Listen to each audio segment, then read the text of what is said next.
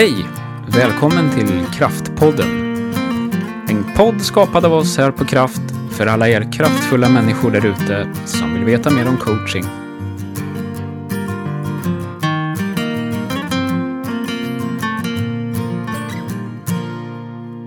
Varmt välkommen till Kraftpodden och Jenny Berg, jag som leder Kraft och den här podden är det som har hand om samtalet idag. Kraft, vi jobbar med coaching, ledarstöd och utbildningar. Och idag så eh, har jag med mig en gäst och det känns ju alltid väldigt, väldigt roligt att få prata ledarskap med en ny person.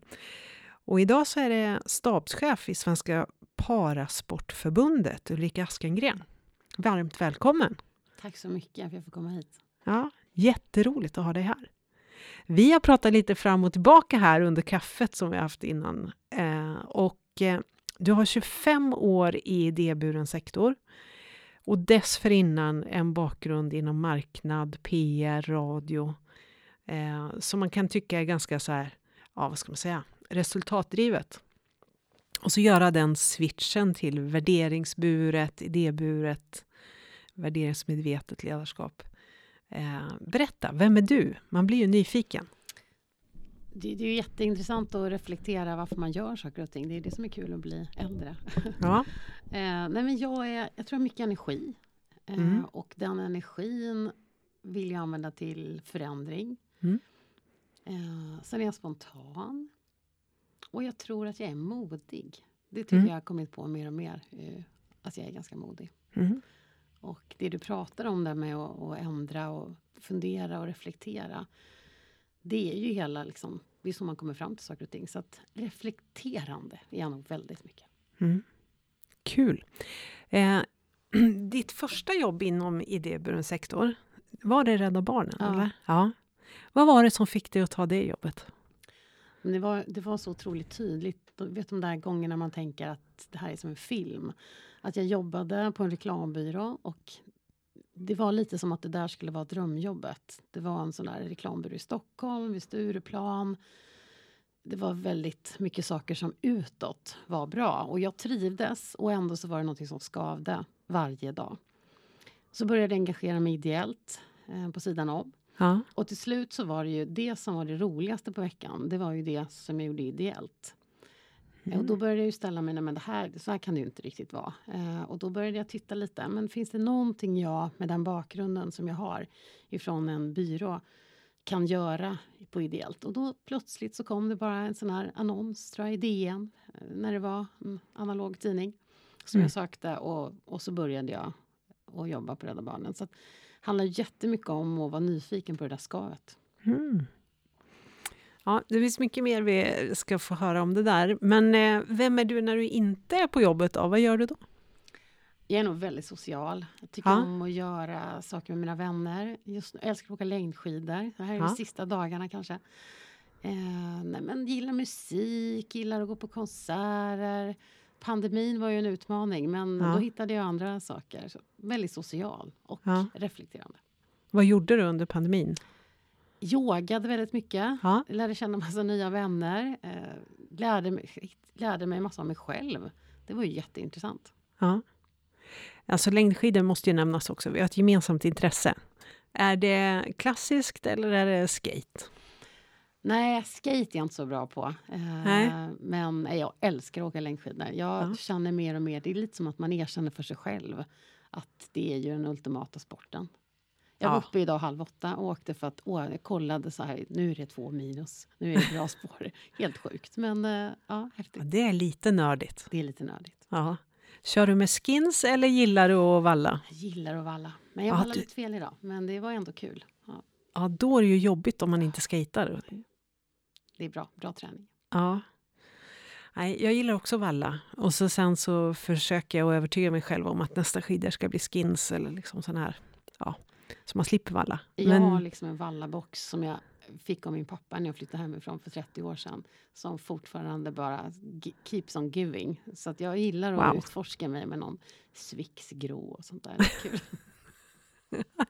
Ungefär samma här faktiskt. Eh, en del av de där vallaburkarna de, de har varit häng, hängt med länge faktiskt. Mm. Men du, eh, nu är du stabschef för Svenska Parasportförbundet. Eh, vad, och det har ju varit några organisationer däremellan, Rädda Barnen och Svenska eh, Parasportförbundet. Det gäller att hålla tungan, ordning på tungan med det ordet. Eh, du har varit på Tom Tits. Jag har varit på eh, Scouterna också. Just det, scouterna. Svenska, det finns ju olika scouter. Det finns bara ett förbund nu, scouterna. Ah, okej. Okay. Mm. Eh, och vad var din roll där? Där var jag biträdande generalsekreterare. Ah. Utvecklingschef. Utvecklingschef i en organisation som för mig känns lite som att den, är, den innehåller väldigt mycket tradition, eh, mycket liksom ceremonier, ja, skjorta och allt sånt där. Hur var det? Men det var jättespännande och det som var modigt där som man kan lära sig av. jag har själv inte varit scout. Har ja. barn som har varit scout men har inte varit det. Och det var en otroligt modig ledningsgrupp som tittade på sig själva och eh, sa att vi behöver faktiskt få in lite personer här som inte har en scoutbakgrund. Mm. För hur ska vi annars kunna utvecklas och attrahera andra? Så jag blev lite inkvoterad av att jag hade erfarenhet av andra organisationer. Ibland var det ganska tufft och jag var tvungen att, att ställa frågan till dem att vad pratar ni om nu? Nu, nu, nu är ni så exkluderande. Men det var också väldigt, väldigt modigt att, att uh, titta på sig som organisation och, och se, jaha, men tycker du att det där är töntigt eller tycker du att det där är exkluderande?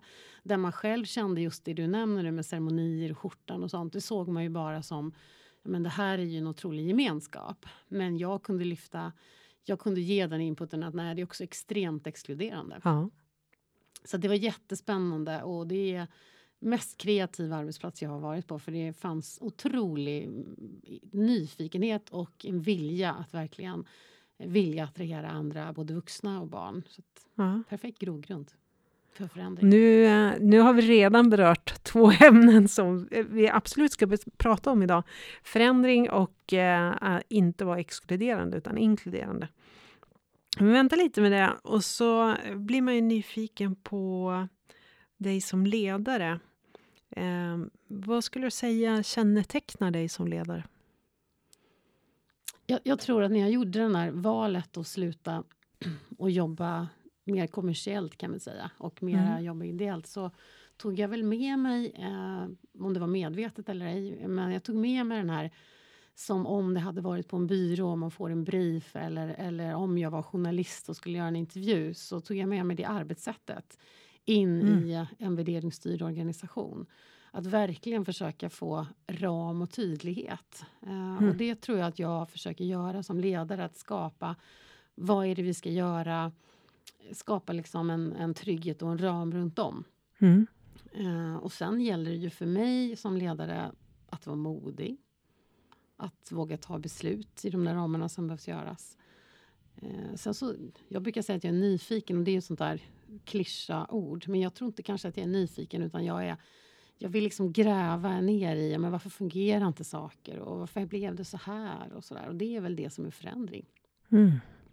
Alltså du säger så många roliga saker. Eh, men nyfiken först då. När du är nyfiken, hur gör du det? Alltså inte bara liksom jag tror många ledare vill och pratar om sig själva som nyfikna, men, men hur, hur gör man? Jag Eller hur gör älskar du? att prata med folk. Jag, jag, är en person som verkligen på riktigt är nyfiken på människor. Det, det finns ingen, nu sitter vi här och pratar och jag lär känna dig. Och jag lär mig massa saker av det. Och jag, det tror jag är en första del, att våga prata med personer jag tror att jag är lite så. Jag, jag pratar alltid på tåg, tunnelbana med men det här eller funderar eller jag har lite sånt sätt att jag. Jag tror att det är viktigt att prata med människor som kanske inte är som sig själva eller vara lite nyfiken på personer. Det är det mm. ena. Eh, och sen vara nyfiken på sitt, situationer. Varför blev det så här?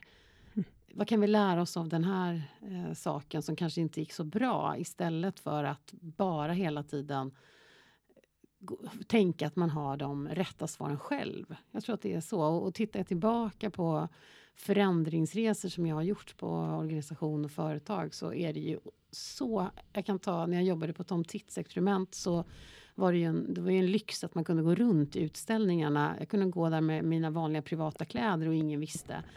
Mm. Ingen visste vem jag var. Och verkligen lyssna på samtal. Vad pratade de där föräldrarna och barnen med när de stod eh, för en utställning som vi hade hyrt in? Sa de det som jag ville att de skulle säga när vi hade beställt den utställningen? Eller sa de någonting annat? Mm. Och det, alltså den nyfikenheten är ju fantastisk. Jaha, nu pratar de om, om det här. Ja, men då kanske vi kan göra det samarbetet. Eller, alltså var verkligen nyfiken för att inte tro att man har svaren själv. Mm. Det är nyfiken på mig, för mig. Och när jag hör det så hör jag att du har en människosyn eh, som är positiv. Jag tror ju att alla har sin story, att alla personer är ja, men alla personer är intressanta på sitt sätt och ja. har någonting att berätta och någonting att bidra med. Det, det, ja, det tror jag. Ja. Jag tänker ju just det att, att eh, vi använder det jättemycket i coachingen. Just att alltså hur min människosyn är påverkar hur jag ställer frågor och lyssnar. Eh, och hur nyfiken jag är. Eh, så intressant att du använder, det blir så tydligt att du har så positiv människosyn och att det präglar ditt sätt att kommunicera. Eh, förutom nyfikenhet så nämner du två andra ord. Eh, du säger att vara modig i förändring och att våga ställa frågor. Hur, hur, hur ofta behöver du vara modig i ditt jobb? Jätteofta. Och det roliga är att jag skulle inte säga att jag är modig rent generellt som människa. Jag är, tycker åka berg och dalbana och sånt är superläskigt till exempel. Ja. Men modig handlar väl om att hålla i, hålla ut, våga säga nej, våga ta de där besluten som är lite så jobbiga. Eller ja. hallå, har vi inte missat någonting nu? Jag, jag, vet att jag behöver förklara ibland så att man inte tänker gud vad hon var neggig nu. Men, men lite var den där, ja men hallå, vad gör vi nu för någonting? Och, och våga, våga hålla i, tror jag. Mm. Det är modigt för mig. Det här är en fråga som jag sitter på nu. jag får se vad du säger om den. Uh, du är inte förberedd, men när var du sist modig? I ditt ledarskap? Alltså jag är nog... Det här med att säga ifrån och se, säga att uh, saker och ting saknas, det gör jag nog varje vecka, tror jag. -huh. Det är nog mer som jag är som person. -huh. Vad läckert. Sen kan ju det vara jobbigt också för andra personer. Men... Ja, hur märker du det? Jag har lärt mig att jag behöver förklara lite varför jag ställer de här frågorna. Eller ja. undrar eller markerar. Så att man inte känner, att, känner sig påhoppad eller att man gjort något fel eller någonting. Men, men jag tror ibland att man... Eh, alla har mycket att göra. Man har, man har liksom mycket som man har... Man har mycket på gång. Eh, och det jag kan se är att de förändringsresorna som jag har varit med och gjort som har gått bra den som är framgångsfaktorn där, det är att man har vågat hålla i saker och säga nej till andra saker. Ja. Och när man inte gör det, då har det inte blivit någon förändring. Så mm. det är väl lite att jag... Det är vad jag kan bidra med och vara lite den här modiga personen som säger att nej men nu tror jag att nu har vi missat någonting eller nu går det fel eller varför gör vi så här? Mm. Det där tror jag är jätteviktigt i ledarskap, att, att våga stå för kontinuitet och att hålla ut. Eh, väldigt, väldigt klokt. Och kanske faktiskt, jag håller med, det är, det är modigt. Särskilt när inte resultaten kanske syns än. Nej, det gör de ju inte. Nej. Jag tror man får ju... Alltså det här när syns resultaten, men det syns ju... Man ska ju ha tur om man, är med, om man får vara med och se de här resultaten. Men, men det är ju ganska häftigt. Jag, ja, fem, fem till sju år tar det ju innan det verkligen är de resultaten som du kanske planerade mm. för. Och då kan det ju vara så att men nu har det gått ett år och varför ser vi inte den här förändringen? Och då är ju modet att hålla i och ja. tänka men vad var det vi skulle göra nu och inte addera till massa nya saker. Det är mm. ju jättesvårt när omvärlden, speciellt i den omvärlden vi har varit i de senaste åren. Eh, för mm. Man måste ju också förhålla sig till omvärlden. Mm. jag, brukar pra- jag och min chef har en, en uh, säg där vi pratar om det här med att bygga sandslott. Att mm. egentligen är det ju skönt, man ska försöka tänka att man bygger sandslott, att det kommer någon liten våg som river något torn ibland och så, för så ser, så ser liksom världen ut. Men själva sandslottets fundation, fundament måste ju hålla ihop. Mm. och det är ju lite grann det här modet, att hålla i det där sandslottet så att det inte blev... Ja, men nu blev det en eh, bro helt plötsligt. Just det, vi ska tillbaka till hålla oss till kärnan. Ja. Eh, men när du nu håller i och håller ut och är modig i det, eh, tvivlar du inte någon gång? Där? Jag menar 5-7 år, det är 5 till 7 år ska vi säga. Eh, det är ändå en lång period. Om man tänker medarbetarfrågor, det finns medlemsorganisationer. Jag har lite bakgrund själv inom det, jag vet vad som händer med idéburna människor som brinner och är passionerade och ser och tycker mycket för att man är så passionerad för sin fråga och så vidare. Eh, så vilken liksom personlig utveckling eller fight i det har du fått ta? Ja, men det är viktigt. Alltså, jag tror tricket för att det ska funka är ju också att man jobbar med delaktighet. Både inom medlemsorganisationer. När jag jobbade på Rädda Barnen till exempel, där blandade vi in alla lokalföreningar på ett helt fantastiskt sätt vi, mm. under många år.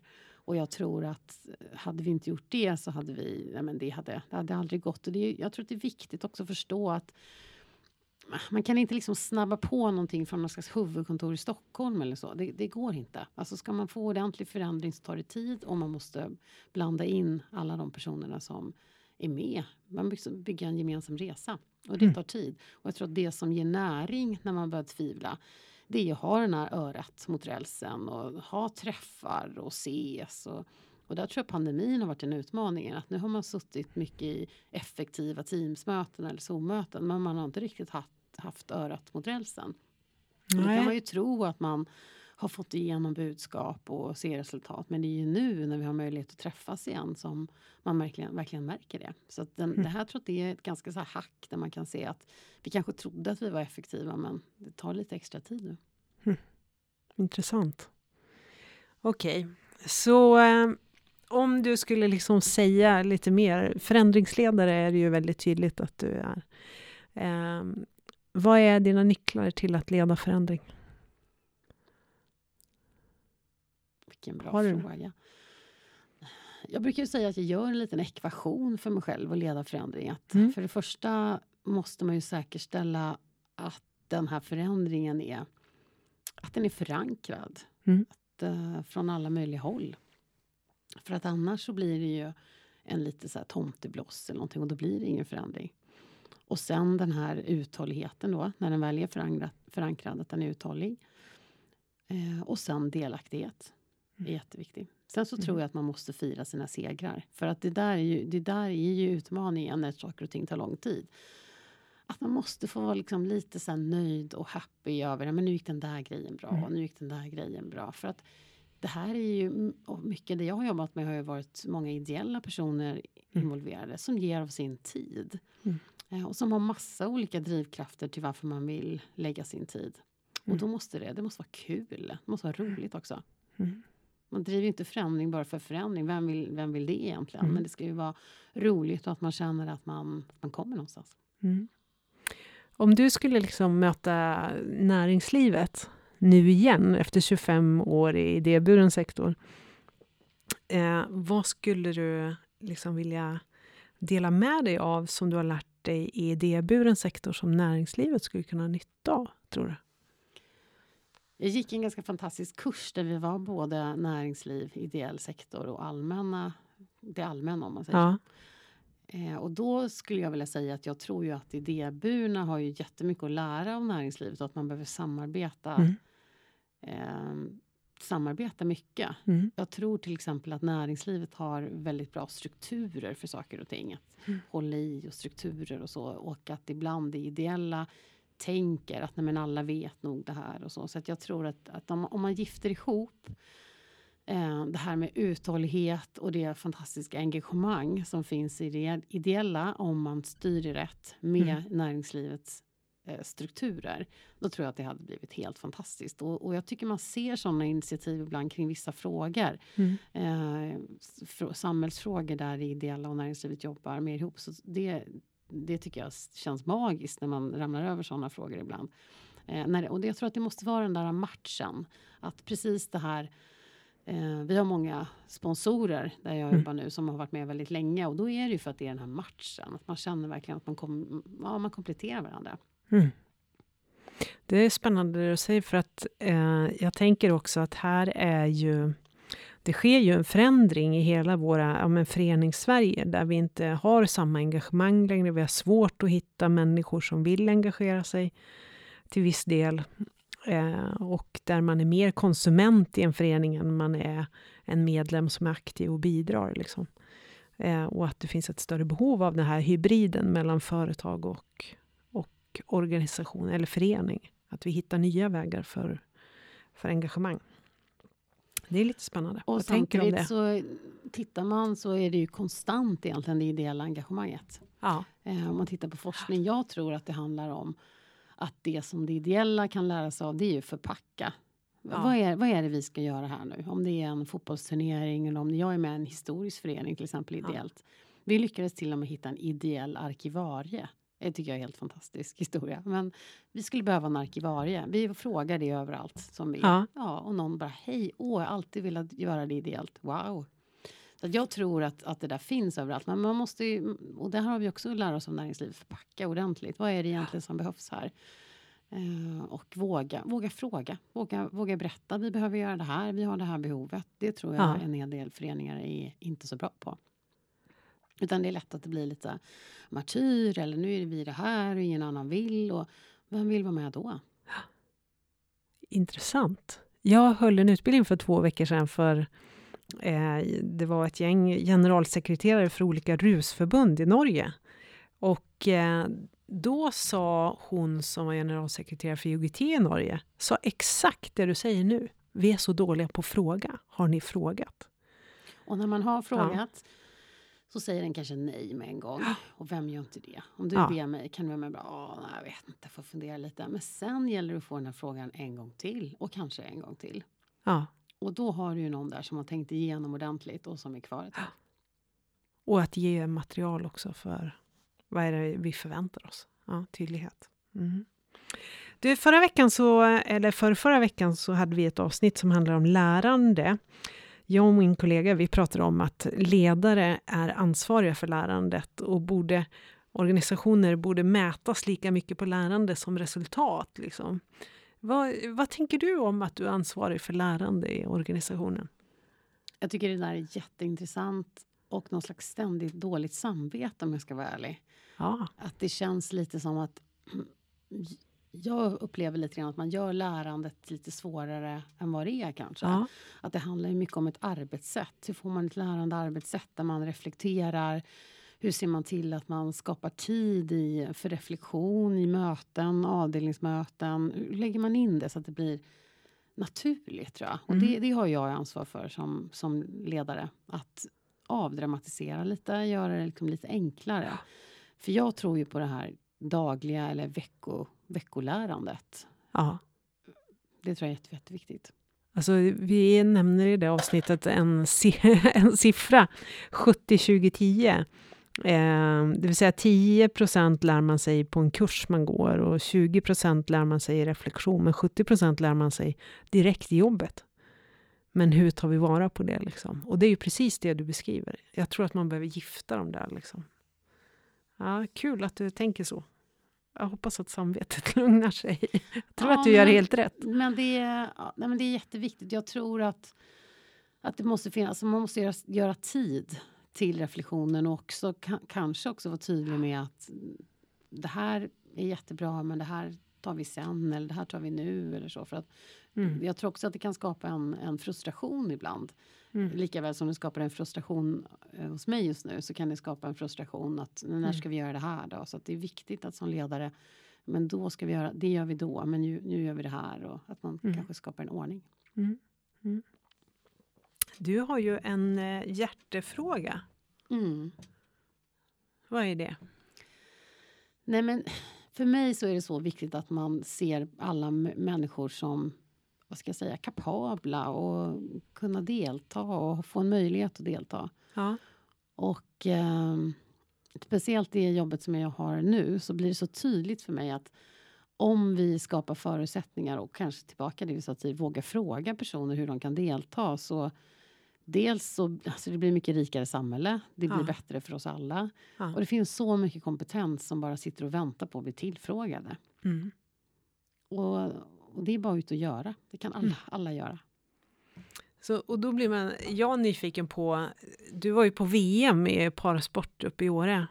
Eh, när jag hörde av mig till dig. Mm, Då var du på väg, Mm. Östersund var det precis. Hur är det då när man är där på VM? Är det liksom inkluderande på alla nivåer? Är man fullständigt medveten? eh, Alltså, eller eh, händer det saker där man märker att aj då, vi har inte lyckats riktigt? Eller? Alltså, jag tror att det finns ju aldrig någonting där man är helt fullständigt utan det handlar väl om att, att öppna upp och vara nyfiken på vad kan man göra bättre hela tiden. Ja. Absolut. Men eh, det som jag tog med mig där var väl att det som jag tyckte var för mig väldigt, en väldigt viktig fråga var ju att eh, de personerna som delade ut våra medaljer och blommor det var tre skidåkare som hade en intellektuell funktionsnedsättning. Eh, Det här var inte ett VM som var för den målgruppen. Eh, utan det var personer som hade synnedsättning och rörelsenedsättning. Men de var med och var på front row, om man säger så. Och fick dela ut medaljerna. Och det var fantastiskt att få se det här even- evenemanget genom deras ögon. Eh, jag tillbringade tre, fyra dagar i de här medaljceremonierna med dem. Och vi hade fantastiska samtal. Eh, och för mig var det viktigt. Det, det var så viktigt symboliskt ur många perspektiv och jag lärde mig jättemycket. Och Mm. bara det tror jag att hur vi, vilka, vilka har vi med, vilka syns, vilka får möjligheten. Mm. Det, kan, det kan alla vara med och förändra. Mm. Öka delaktigheten. Du sa förut någonting om att vår självbild i Sverige är kanske det största hindret. Mm. Eh, Berätta, vad tänker du? Nej, men jag tänker att man tror att det är någon annan eller vi, vi är redan bra på det här. Och sen så tror jag ibland att man gör det lite svårare för sig. Att man är, lite, man är rädd att göra fel, man är rädd att säga fel och så. Och jag tror att när man väl inkluderar alla, och det kan vara alla, alla personer, att man blir nyfiken på det. Att vad kan du bidra med? Så känner man ju en sån ska jag säga, tacksamhet och att det känns som en åh, nu blev det här så mycket bättre. För att jag sitter inte och gissar. Jag kan ta ett exempel. Det var faktiskt här i Eskilstuna. Vi hade en utbildning eh, och vi hade en idé om att personer som hade en eh, funktionsnedsättning, olika funktionsnedsättningar som var typ 30-35, att de skulle vara brygga eller mentorer till yngre personer med funktionsnedsättning som inte hade en fritidsaktivitet. Mm. Och så gick vi ut med och frågade, hej, är det någonting som du är intresserad av? Det var jättemånga som var intresserade av att, att vara den där bryggan. Och det som de sa var, och tänk att inte ni har frågat oss förut. Jag har så mycket att bidra med.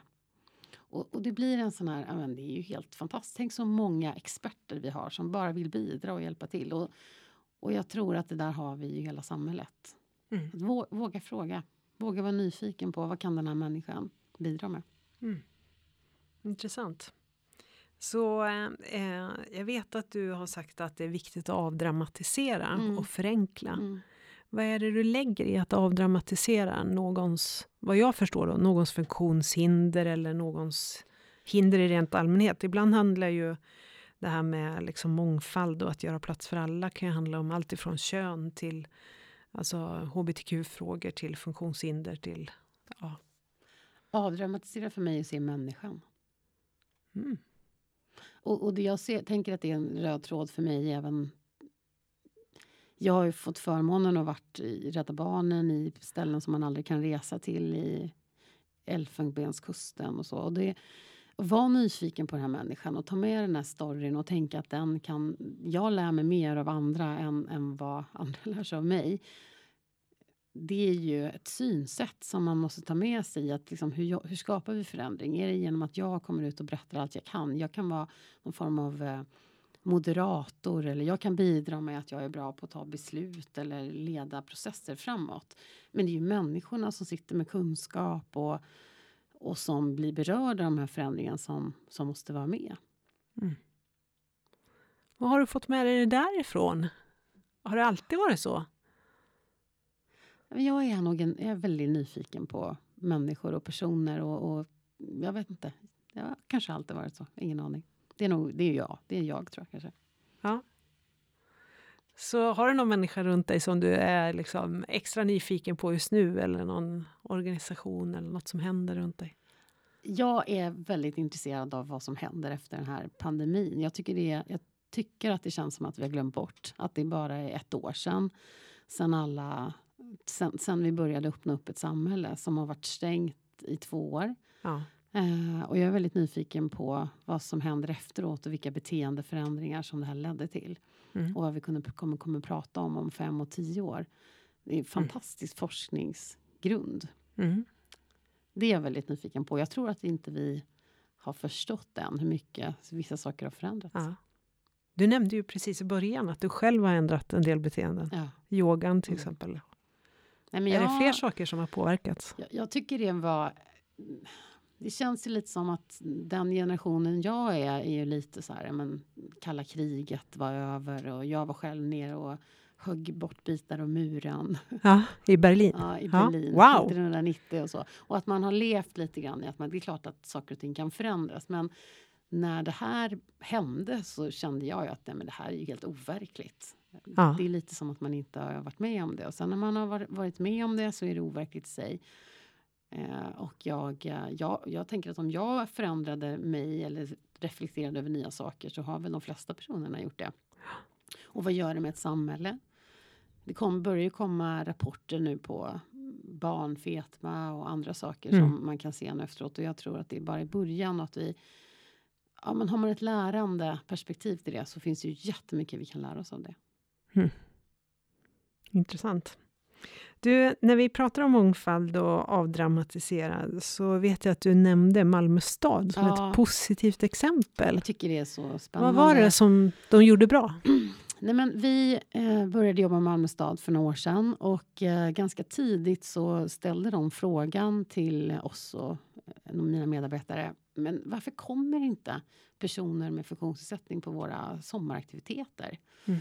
Förstår inte riktigt vad vi gör för fel. Och, och det tycker jag är en sån här, den här första frågan, ställa sig den frågan och blanda in eh, oss i den frågan, att liksom nysta vidare.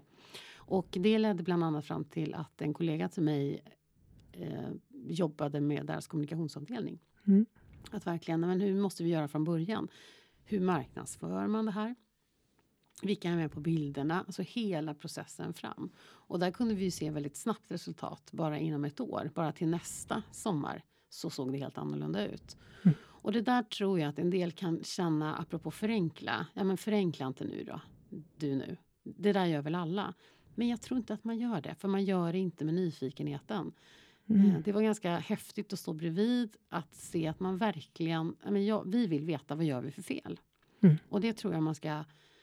Man, man ska vara lite ödmjuk för att man kanske inte har svaret. Mm.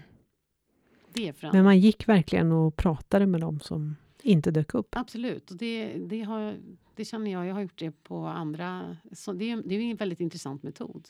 Ja, Varför kommer inte de här som vi vill ska komma? Vad gör vi för fel? ja. På vilka olika sätt har du använt nyfikenheten eh, och lyssnandet på organisationen? Hur brukar du göra? Ja, det handlar ju om att ta sig tid för reflektion. Mm. Och sen handlar det ju om det där... Jag tror jag berättade att jag tjuvlyssnade mycket på besökare på Tom Mm. Titt och så. Alltså det är ju min dröm att få vara så där flugan, ja, flugan i taket mer. Mm. Eh, blanda in referensgrupper. Jag har liksom suttit och, ja, men sitter och Mm. lyssnar mycket. Försöker liksom göra mig själv lite osynlig. Jag har inget Mm. behov av att det är jag som ska synas och höras. Men jag vill gärna lyssna. Berätta om det här lyssnandet. Det låter spännande. Hur lyssnar du? Lyssnar du efter något särskilt? Eller? Ja, ofta är det ju att man lyssnar efter något särskilt.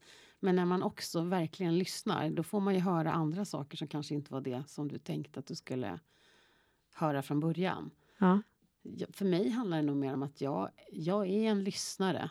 Jag tänker ibland att jag skulle blivit, man skulle blivit författare eller någonting, för jag sitter och lyssnar jämt. Eh, Och mer för att jag tänker att jag lär mig väldigt mycket av det där. Men, men när jag lyssnar med vad ska jag säga, med avsikt, då är det ju för att jag vill verkligen liksom lösa det som jag kanske just då jobbar med och så. Men Mm. för mig är det en metod att lyssna. Sen pratar jag mycket också som person, jag hör det. Men, men, Ja. men lyssnandet är ju väldigt intressant. Och lyssna kanske på vad man inte säger och vad som, vad som är emellan. Och Ja. var lite nyfiken på det. Så när du märker att du är, är liksom lyssnande kommer en liten konstig fråga. Hur upplever du det i din egen kropp, att du lyssnar? Men jag kan ta ett exempel. Jag jobbade på Scouterna och vi hade en idé om att eh, när eh, 10 000 ungdomar träffas veckan innan man ska börja skolan igen. Vad är det vi vill att de ska prata om på det där scoutlägret? Jo, men vi vill att de skulle prata om kroppsuppfattning. Ja. Killar och tjejer, alla möjliga åldrar. Mm. Varför, varför är vissa kroppar värda, om man säger så, mer än andra? Eller alltså vad, det här med att man har en dålig självkänsla och så. Mm. Eh, hur gör man ett sånt samtal? Och sen hade vi haft en sån idé. Vi lyckades hitta en sån workshop. Och för mig var det ju absolut ointressant att stå och hålla den här workshopen. Jag ville ju sitta bara längst borta i ett hörne och höra vad pratar de om? Mm. Eh, och vad hände i mig då? Ja, men jag, jag blir ju stolt, jag blir ju... eh, De kanske inte sa det som jag eh, trodde de skulle säga. Eh, Jag ville mer bara skapa förutsättningen. Men det hände ju någonting i att man... Då, det är då man känner så här, nej men nu är jag med och bidrar och gör någonting. Jag Ja. använder min energi och mitt mod till att kämpa igenom att vi ska prata om det här. Till att världen blir lite bättre. Och det är ju Mm. min... Ja men då, då är allt fine. Då är allt Mm. bra. Då är det kul. Mm. Fantastiskt. Vad heter det, om du skulle ge ett råd till någon som är helt ny i sitt ledarskap? Tackat ja till sin första chefstjänst. Vad skulle du säga till dem då? Skulle jag säga, försök att ta reda på ja, men ditt mandat. Och, eh, Mm. jag tänker att när man kommer in i en organisation eller på ett företag eller någonting, då är man ju man är just då en liten bricka i just nu är vi här och det här jobbet ska göras. Att man får liksom lite koll på så här, vad är det för jobb som ska göras just nu. Att man skapar sig som en liten fyrkant eh, som man kan liksom navigera utifrån. Mm. Det tror jag är jätte, jätteviktigt. För det, det blir liksom lite det som blir ens research till att okej, det här, mm, det här är fyrkanten. Det här behöver jag göra. Det här behöver jag att andra gör. Jag tror att det är jätte, jätteviktigt Mm. att man tar sig den tiden i början. Mm. Lite N- journalistiskt. När du säger mandat, vad är det du lägger i ordet mandat? Men jag lägger lite grann i vad finns det förväntningar på vad, vad tycker din chef att du ska göra? Ja. Vad är det för mål som just nu man kanske har bestämt i en organisation eller ett företag? Vad finns det förväntningar ifrån de du leder? Ja. Vad, vad, är det för, vad är det för kontext som du är i? Vad, hur ser det ut där? Att man ringar in det lite grann. Det tror jag är jätte, jätteviktigt i början.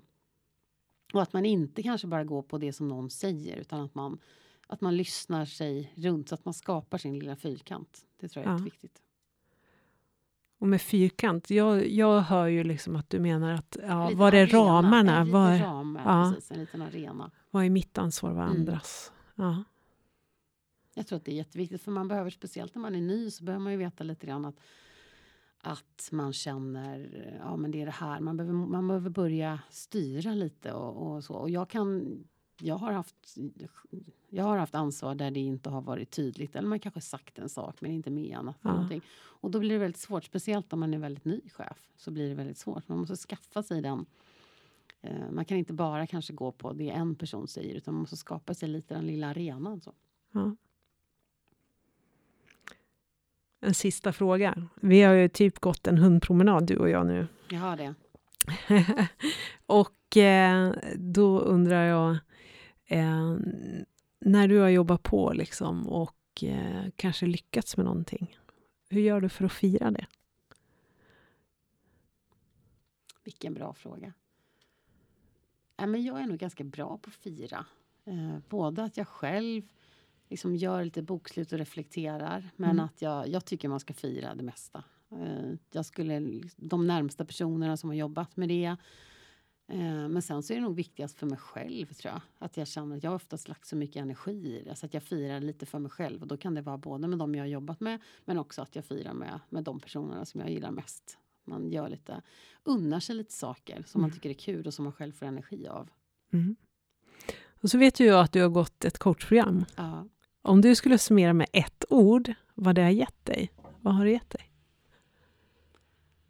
Men det har gett mig en ny bild av, av mig själv i, eh, i reflektionen som jag trodde att jag redan hade. Men en, en ny bild av mig själv. Jätteintressant. Ja, vad roligt. Tack för att du kom hit Ulrika och jätteroligt att ha dig i podden. Tack så jättemycket för att vi kom. 啊。